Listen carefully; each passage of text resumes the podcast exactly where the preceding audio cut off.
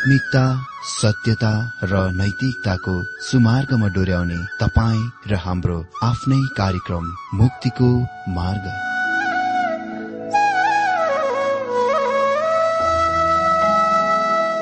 आदरणीय श्रोता यस मुक्तिको मार्ग कार्यक्रममा हार्दिक स्वागत छ।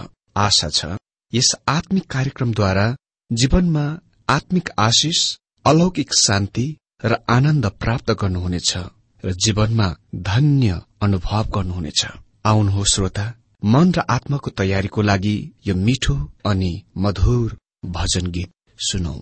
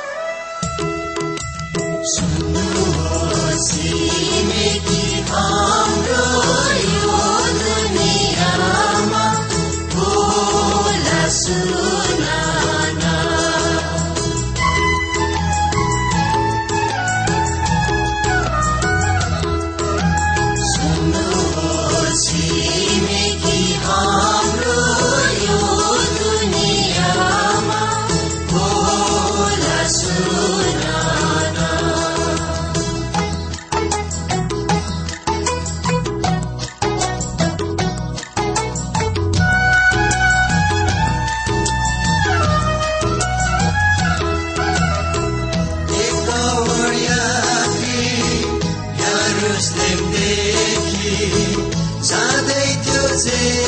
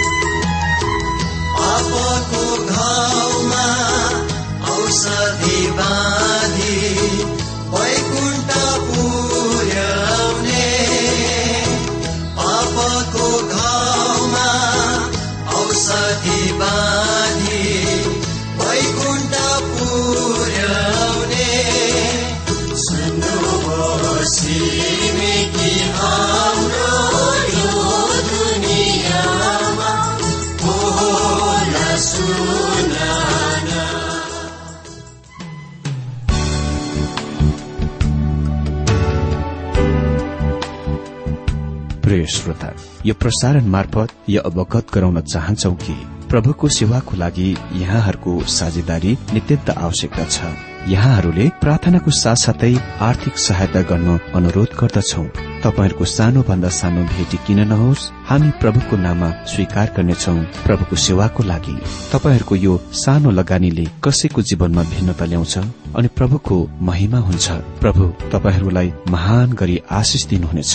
इच्छुक श्रोताहरूले तपाईँहरूको इच्छा भेटी हाम्रो ठेगानामा पठाउन सक्नुहुन्छ जुन ठेगाना हामी कार्यक्रमको अन्तमा दिनेछौं। प्रिय श्रोता मित्र प्रभु येशु ख्रिष्टको मधुर अनि सामर्थ्य नाममा मेरो जयमसी तथा हार्दिक स्वागत छ आजको यो बाइबल अध्ययन कार्यक्रममा। श्रोता यी दिनहरूमा हामी पवित्र धर्मशास्त्र बाइबलको अध्ययन बाइबलको पुरानो पुस्तक पुरानो नियमको निका भन्ने पुस्तकबाट अध्ययन गरिरहेका छौं। म आशा गर्दछु कि तपाईँहरूले यो भविष्यवाणी पुस्तकबाट धेरै धेरै कुराहरू सिकिरहनु भएको छ।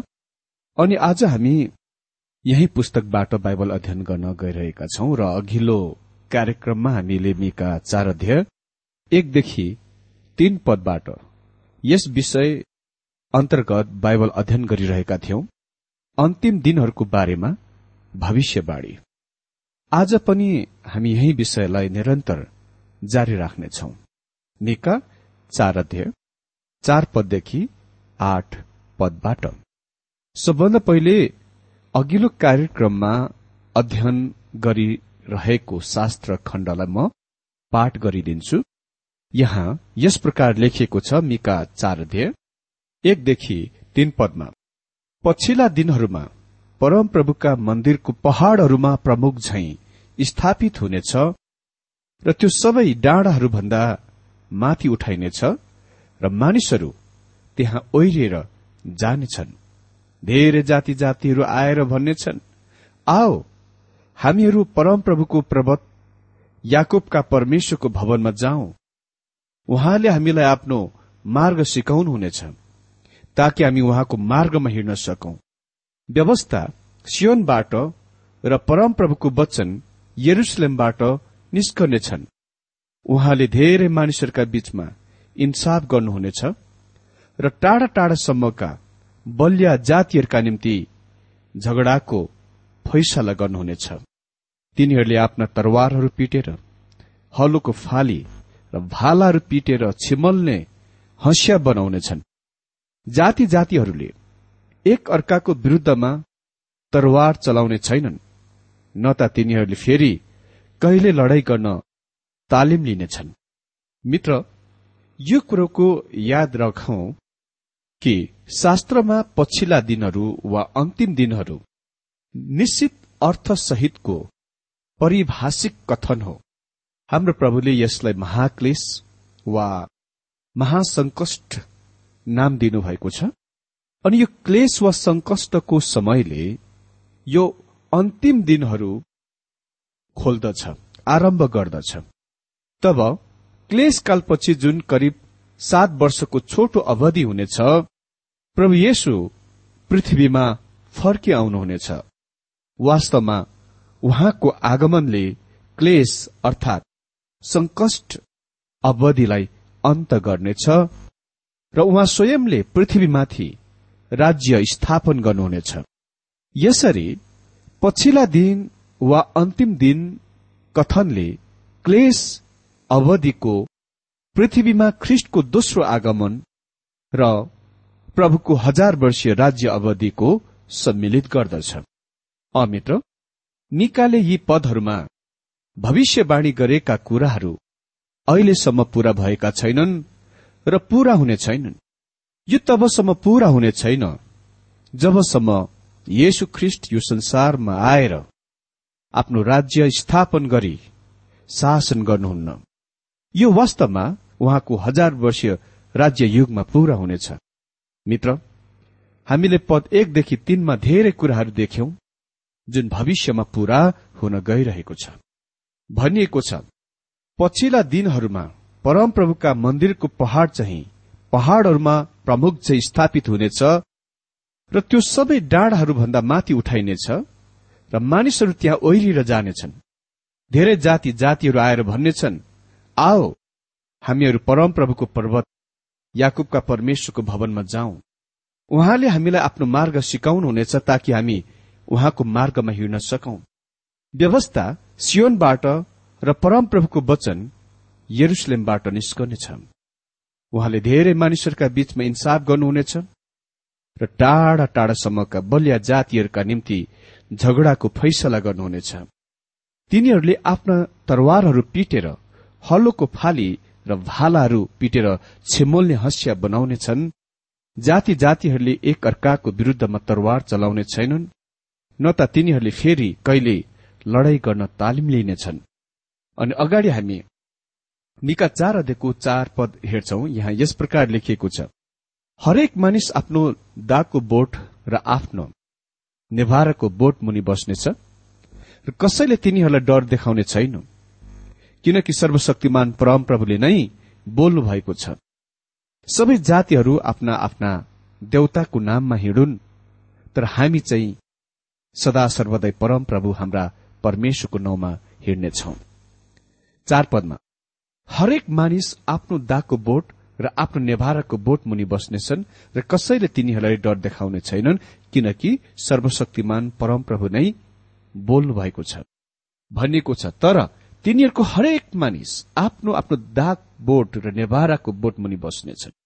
कसैले तिनीहरूलाई डर देखाउने छैन। मित्र यो भविष्यवाणी इसरायलमा आज पूरा भएको छैन। हाम्रो दिनहरूमा तिनीहरू अति नै धेरै डरमा बसेका छन् भयमा बसेका छन्। तिनीहरू अरब राष्ट्रको डरमा भयमा बसिरहेका छन्। किन? किनभने त्यहाँ भविष्यवाणीको परिपूर्णता अनुसार त्यो भएको छैन। तर यो भविष्यवाणी मसिहाको हजार वर्षीय राज्य युगमा स्थान लिनेछ।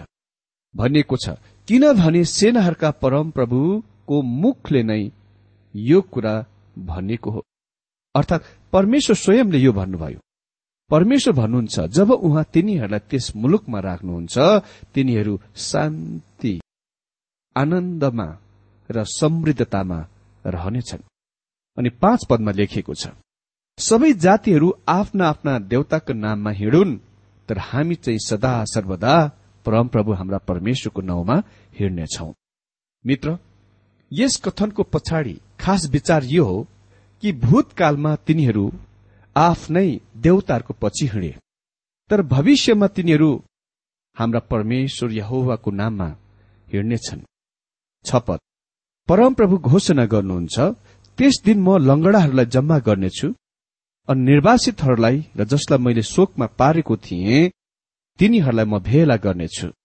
त्यस दिनले हामीले यो कुराको याद दिलाउँछ हामीलाई कि उहाँ हजार वर्षीय राज्यको बारेमा कुरा गरिरहनु भएको छ जो उहाँ अर्थात प्रभु स्वयंले राज्य शासन गर्नुहुनेछ। त्यस दिन लंगडाहरूलाई म जम्मा गर्नेछु।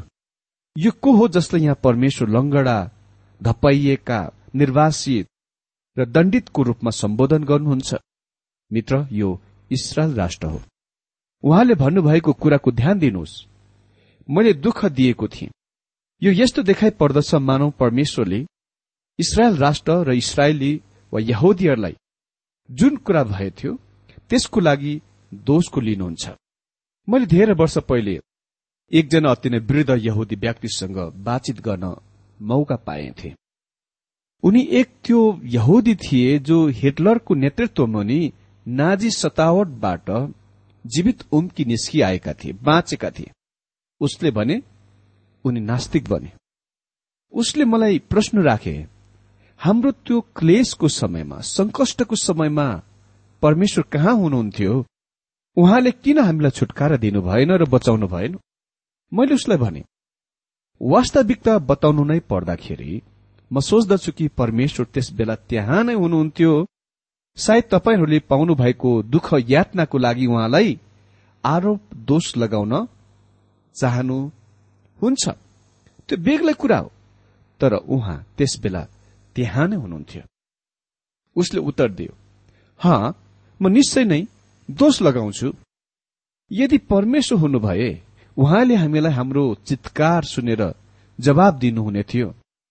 र सहायता गर्नुहुने थियो। मैले उत्तर दिएँ हेर्नुहोस् र ध्यान लगाएर सुन्नुहोस्। हामी संसारका अन्य सबै जाति र सबै मानिसहरूभन्दा पहिले र सबभन्दा धेरै पहिले तपाईँ यहुदीहरूले उहाँलाई जान्ने र उहाँको आज्ञा पालन गर्ने अवसर पाउनु भएको थियो। जब तपाईँका राष्ट्र र तपाईँका जातिसँग सत्य र जीवित परमेश्वरको ज्ञान थियो संसारका अन्य जातिहरू मूर्ति पूजकहरू थिए र अन्धकारमा थिए। तर तपाईँहरूसँग ज्योति थियो। अनि अन्तिममा तपाईँहरूका जाति मध्ये कसैले सुसमाचार अरू जग्गा स्थानहरूतिर लगे। युरोपमा एसियामा अफ्रिकामा अनि बिस्तारै बिस्तारै यो सुसमाचार पूरा विश्वभरि फैलिँदै गयो र धेरै मानिसहरूले यसको स्वीकार गरे ग्रहण गरे। तर परमेश्वरले तपाईँहरूका आफ्नै पुस्तकमा ग्रन्थमा स्पष्ट पार्नु भएको छ। जबकि तपाईँहरूसँग जीवित र सत्य परमेश्वरको ज्ञान भएकोले गर्दा तपाईँहरू आफ्ना पीठ उहाँका फर्काइदिनुभयो बिना दण्ड। त्यसको लागि बिना दण्ड मुक्त भएर उम्कन सक्नुहुन्न तपाईँहरू। यदि तपाईँहरू आफ्नो ग्रन्थ पढ्नुहुन्छ भने तपाईँले यो कुरा पत्ता लगाउनुहुनेछ कि केवल उहाँलाई? तपाईँहरूका कष्टको लागि दोष मात्र लगाउन सक्नुहुन्न तर उहाँले पनि तपाईँहरूसँग राष्ट्रको रूपमा पूर्ण रूपमा दयालु व्यवहार गर्न छोड्नु र भुल्नु भएको छैन त्याग्नु भएको छैन। उहाँले तपाईँहरूलाई पुनः जम्मा गर्न भेला गर्न इरादा गर्नुहुन्छ। यो उहाँको हृदयमा मनमा अझै धेरै मात्रामा छ। तपाईँले यो कुरा सिकुन्जेलसम्ममा निश्चय नै तपाईँले यसको अहिलेसम्म सिक्नु भएको छैन। यो परमेश्वरको विश्व ब्रह्माण्ड हो। तपाईँलाई दिइएको उहाँ स्वयंको जानकारी वा ज्ञानको अस्वीकार गर्न सक्नुहुन्न उहाँको दण्ड नभोगिकन। अर्को शब्दमा यो परमेश्वरको विश्व हो। र उहाँलाई र उहाँको वचनको इन्कार गर्नुहुन्छ भने बिना दण्ड उम्कन सक्नुहुन्न। मेरो मित्र यो कुरा इसाई जगतमा पनि सत्य छ। धेरै इसरायलहरू भनाउँदा आत्मिक इसाईहरू र मण्डलीहरू परमेश्वरको वचनको अज्ञानतामा बढ़िरहेको छ। अरू त के त्यो भन्दा खराब कुरा परमेश्वरको वचनको मजाक गरिन्दछ र यसको अति नै हल्का फुल्का तरिकामा लिइदछ एकजना क्रिस्चियन हास्य कलाकारले भनेथे शैतानले मलाई त्यसो गर्न लगायो। यो कति पनि सत्य होइन। तपाईँ यस कारण खराब गर्नुहुन्न किनभने शैतानले तपाईँलाई त्यो गर्न लगायो। तपाईँ खराब गलत काम गर्नुहुन्छ किनभने तपाईँसँग पुरानो पापमय स्वभाव छ। त्यो सबभन्दा निच भ्रष्ट छ। अनि म यो पनि भन्दछु। म तिम्रो बारेमा परमेश्वरलाई भन्ने छु। मित्र तपाईँले अरूको पापको बारेमा उहाँलाई भन्न कति पनि आवश्यक छैन। उहाँले यसको पहिले नै जान्नुहुन्छ। र उहाँले तपाईँका पापहरू जान्नुहुन्छ। मित्र यदि हामी उहाँलाई हल्का फुल्का रूपमा लिन्छौ र उहाँलाई इन्कार गर्छौं भने हामी उहाँको दण्डको अनुभव नगरी उम्कने छैनौं। मिकाको दिनमा परमेश्वरले इसरायलीहरूलाई ताड्न दुःख दिने कामको लागि दोषको लिनुभयो र उहाँले मलाई यसको लागि क्षमा माग्नु भएको छैन वा यस कथनको स्पष्टीकरण गर्न भन्नुभएको छैन। यो चेतावनीको रूपमा हामी कहाँ पनि आउनु पर्छ सात पदमा लेखिएको छ लंगडाहरूलाई एउटा बाँकी भाग र टाढा खेदेकाहरूलाई एउटा सामर्थ्य जाति बनाउनेछु। परमप्रभुले तिनीहरूमाथि सियोन पर्वतमा त्यस दिनदेखि उसो सदा सर्वदै राज्य गर्नुहुनेछ। मित्र लंगडाहरूलाई एउटा बचेको भाग तुल्याउनेछु भन्नुहुन्छ उहाँ। इसरायलको लामो इतिहासभरि इसरायल राष्ट्रको शत प्रतिशत मानिसले परमेश्वरलाई सेवा आराधना गरेनन्। सधैँ बाँकी रहेका बचेकाहरूमा उहाँप्रति विश्वासयोग्य थिए परमेश्वरले सधैँ बचेकाहरू बाँकी रहेकाहरूलाई सुरक्षा गरिरहनु भएको छ र सुरक्षा गर्नुभयो सुरक्षा गरिराख्नुभयो। वास्तवमा यो ती मानिसहरूका बचेकाहरू हुन् बाँकी रहेका हुन् जुन मिश्रबाट निस्किआएथे र त्यस मुलुकमा प्रवेश गरेथ्यो। मिश्रबाट निस्किआउने सम्पूर्ण पीढ़ीहरू यथार्थमा भन्नुपर्दा उजाड स्थानमै मरे। तिनीहरूकै सन्तानहरू त्यस प्रतिज्ञाको मुलुकमा प्रवेश गरे। परमेश्वरले बाँकी रहेको बचेकोहरूलाई सुरक्षित राख्नुभयो। एलियाको दिनमा पनि परमेश्वरसँग विश्वासयोग्य बाँकी रहेका बचेकाहरू थिए। एलिया अति नै धेरै निराशवादी थिए। उनी यसरी चितकार छोडे पहिलो राजा उन्नाइसको दशमा प्रभु म मात्र छोडिएको छु। तर परमेश्वरले उसलाई भन्नुभयो तिमी मात्र एक्लै छैनौ। मसँग ती डाँडाहरू हुँदो लुकेर रहेका सात हजार मानिसहरू छन् जसले बालको सामने आफ्नो शिर अहिलेसम्म झुकाएका छैनन्। किनभने तिनीहरू आहाव राजा र रानी इजेबेलदेखि छिपिरहेका थिए। एलियाले तिनीहरूको बारेमा जान्दैनथे अनि म एउटा यस्तो विचार मान्ने व्यक्ति हुँ कि हामीले सोचे भन्दा धेरै विश्वासीहरू छन् त्यहाँ। त्यहाँ ती सात हजार जना जस्तै धेरै विश्वासीहरू छन्। यद्यपि हामी तिनीहरूको बारेमा त्यति धेरै सुन्दैनौ तथापि तिनीहरू सत्य विश्वासीहरू हुन्। साथै यो पनि भन्न चाहन्छु कि ख्रिष्टको आगमनमा पनि विश्वासीहरूका बाँकी रहेका बचेकाहरू थिए। यद्यपि त्यस राष्ट्रका अगुवाहरूले उहाँलाई इन्कार गरे तापनि र उहाँलाई क्रुसमा चढाए तापनि त्यो बाँकी रहेका बचेकाहरू थिए जसले उहाँलाई ग्रहण गरे स्वीकार गरे। पछिबाट पेन्तिकोषको दिनमा धेरै संख्यामा मानिसहरू ख्रिस्तिर फर्के तैपनि त्यो बचेकाहरू थिए बाँकी रहेका थिए। सधैँ नै बचेकाहरू भएका छन् त्यहाँ। हाम्रा दिनहरूमा पनि मण्डलीहरूमा पनि विश्वासयोग्य बच्चेकाहरू छन् बाँकी रहेका छन्। अंग्रेजीमा हामी तिनीहरूलाई रेमिनेन्ट भन्छौं। यद्यपि मैले यो कथन पहिले बनाए हामीले थाहा पाएको भन्दा त्यहाँ विश्वासीहरू धेरै भए तापनि यो सत्य हो कि मण्डलीमा खालि ख्रिस्टमा सत्य विश्वासीहरूका बच्चेकाहरू रेमनेन्टहरू मात्र छन्? मित्र मण्डलीमा त्यहाँ धेरै परमेश्वरप्रति सत्य विश्वास योग्य विश्वासीहरू भए तापनि त्यहाँ धेरै त्यस्ता विश्वासी भनाउँदाहरू छन् जो खालि मण्डलीका सदस्यहरू मात्र हुन्। तिनीहरू मण्डलीको धर्मविधिहरूको संस्कारहरूको पालन गर्दछन्। क्रिस्चियन सेवाहरूमा सक्रिय हुन्छन् बस त्यति मात्र। तिनीहरू कति पनि सत्य विश्वासीहरू होइनन् तिनीहरू नयाँ जन्म पाएका छैनन्। तिनीहरू खालि नाम मात्रका ख्रिस्टियनहरू हुन्। हाम्रा दिनमा पनि इसरायलका मानिस बीच अर्थात यहुदी बीच विश्वासीका बच्चेकाहरू छन्। सम्भवत हामीले थाहा पाएको भन्दा धेरै। प्रत्येक राष्ट्रमा सत्य विश्वासीहरूका बच्चेकाहरू बाँकी रहेका मानिसहरू छन्। यद्यपि तिनीहरू स्थानीय मण्डलीसँग पहिचान हुन नसके तापनि जोडिन नसके तापनि। अभाग्यवश केही मण्डली सदस्यहरूका क्रियाहरूले धेरै विश्वासीहरूको निम्ति ढोका बन्द गरिरहेको छ। तैपनि परमेश्वरसँग सधैँ आफ्ना विश्वासयोग्य बचेका धर्मीजनहरू छन्। शास्त्रमा बचेका बाँकी रहेकालाई अंग्रेजीमा हामी रेमनेन्ट शब्द प्रयोग गर्दछौ। अति नै महत्वपूर्ण छ। यो कुराको याद राखौं।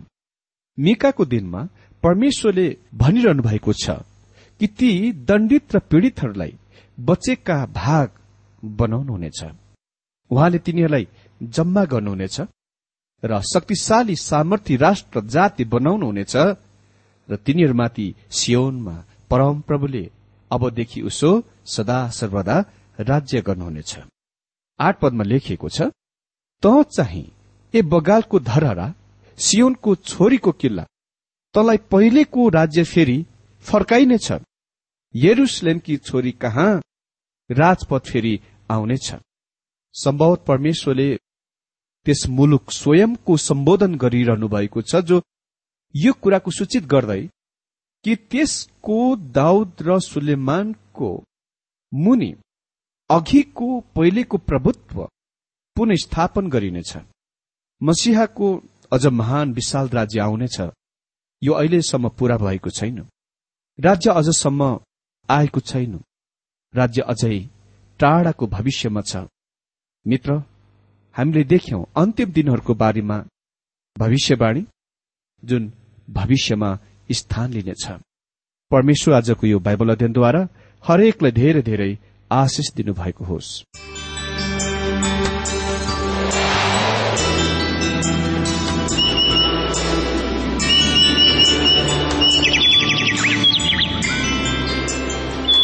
प्रिय श्रोता अहिले भर्खरै तपाईँले टीडब्ल्यूआर नेपालद्वारा सञ्चालित आत्मिक कार्यक्रम मुक्तिको मार्ग सुनिरहनु भएको थियो। श्रोता आजको यो कार्यक्रम सुनेर तपाईँलाई कस्तो लाग्यो? यदि यो कार्यक्रम सुनेर मनमा कुनै खुल्दुली वा कुनै प्रतिक्रिया अर्थात सुझावहरू छन् भने हामीलाई पत्रद्वारा लेख्न सक्नुहुनेछ।